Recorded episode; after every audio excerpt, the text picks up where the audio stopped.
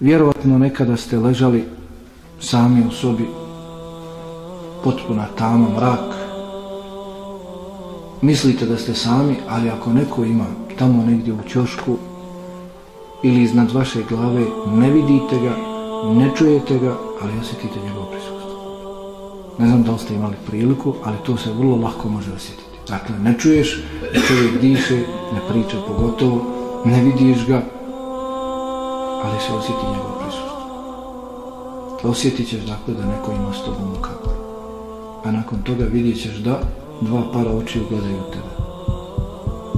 To su munkir i nekir. Munkir i nekir koji će doći svima nama zbog posebne zadužbine. Zbog posebne zadužbine. Munkir i nekir stoji u opisima islamskih učenjaka da su tamnih lica zelenog odijela. Kada progovore glas im je poput grmljavine groma. Kada gledaju njihov pogled probija kao što svjetlica probija. Kaže se da imaju duge kose i da imaju duge nokte i duge zube. Kaže Ibn Kathir, rahimahullah, tala i drugi učenjaci, kada bi došli među ljude, žive ljude, kada bi došli u neko naselje, u neki grad i ljudi ih vidjeli, zaprepastili bi se od njihovog izgleda, pomrili u strah. Kako će biti meni i tebi kad nama samima dođu? Nema nekog drugog, pa da te uzme za rukav, bježno. Sam, ja, ti, on, ona. Pa nam muđu i obrate nam se takvim govorom, takvim glasom i gledaju u nas i traže od nas. Došli su zbog posebne zadužbine. Ko se nije pripremio za nju, teško je se njemu. Dolaze na nas pitaju tri pitanja. Lahka onome ko se bude pripremao za njih. Ko dođe sa odgovorom, njemu ćete kako biti lahka i draga. Dočim onaj ko se nije pripremio, neće nikad, ni u kom slučaju moći odgovoriti na njih. Tri lahka jednostavna pitanja. Ko je tvoj gospodar? Koja je tvoja vjera? I ko je tvoj poslanik? Kratka, brza pitanja. Traže se kratki, brzi, jasni odgovori. Jedini ispravni odgovor moj gospodar je Allah, moja vjera je Islam, moj poslanik je Muhammed sallallahu alaihi wa sallam. To su jedni, jedini odgovori ispravni. I neće moći odgovoriti na ova pitanja osim onaj koji bude ove odgovore poznavao još na Dunjaluku i živio s njima. Nije lahak. I neće se moći odgovoriti. Kod Buharije, kod muslima i kod drugih detaljno se dakle govori o ovome određene verzije, dakle, jedna drugu nadopunjavaju. Od Bera ibn Adiba radijallahu talan, je li poduži hadis, kod imama termizije i drugi. Poduži hadis. Neće se tako lahko moći odgovoriti. Munafik će govoriti ha, ha, ha, pokušat će da se sjeti, pa će na kraju reći, govorio sam što su ljudi govorili. A kada vjerni kaže, jest moj gospodar je Allah, moja vjera je Islam, moj poslanik je Muhammed alihi sallam, pitaće ga kako to znaš? Kako si znao, kaže, reći će, učio sam, čitao sam knjigu. Znači, ne može se odgovoriti to što čuješ neko tamo rekao, već dakle to treba naučiti, u to treba biti ubijeđen.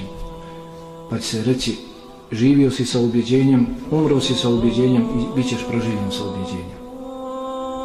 Ali onaj munafik, licemjer koji nije plaho mario za svoju vjeru, on će pokušati da se sjeti pa će na kraju reći pričao sam ono što su pričali ljudi rekao sam ono što su govorili ljudi pa će reći nici učio, nici čitao, nici bio ubijeđen dakle ovo je ispit koji nema popravka. Za njega se moramo pripremiti.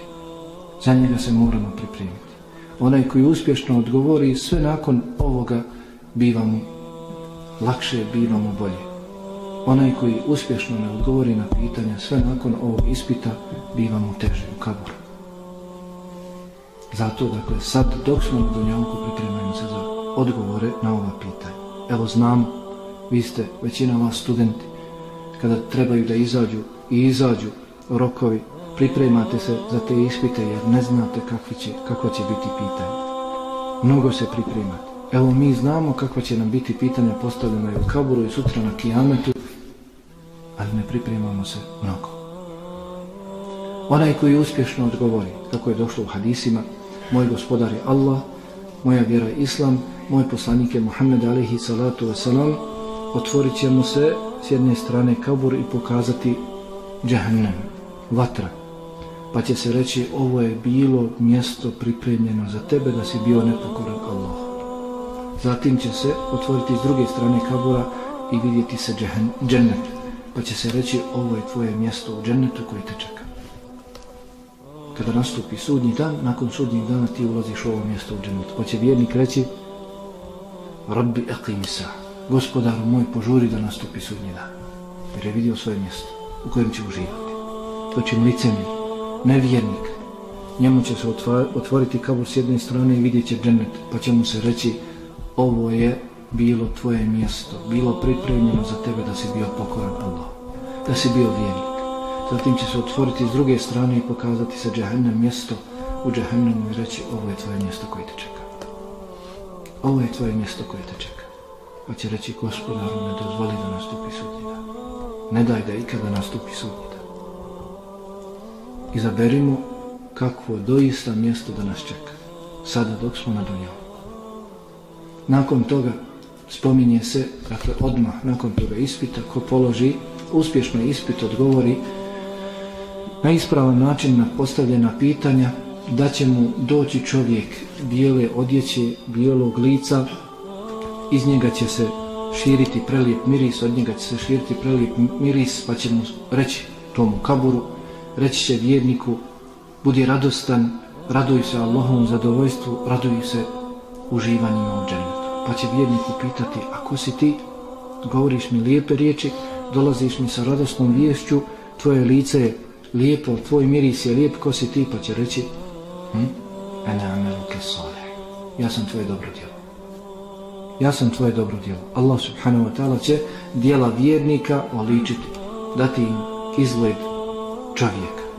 Pa će ući i družiti se sa vjernikom sve do kijameta, dok nastupi sudnji dan Biće s vjernikom u kaboru njegovo dobro djelo u liku čovjeka sve dok nastupi sudnji dan. To će licemer, nevjernik, njemu će ući čovjek rastravljujućeg izgleda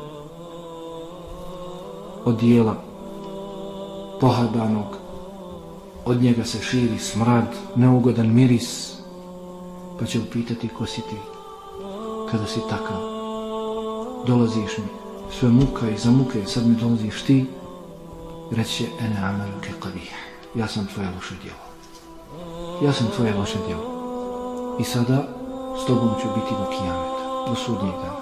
Mogli ste na Dunjaluku nekada vjerovatno biti u prilici da se susretnete s ljudima iz kojih, ha, i od kojih se širi neugodan miris. Bazdi iz njih. Pa ona minuta ili dvije učinile su ti se kao godine pogledao si ko će doći sa strane da te odvede, rastavi od njega. Kako li će ovome biti kada bude u društvu s takvom osobom od koje se širi takav neugodan miris, biti sve do kijameta, do sudnjeg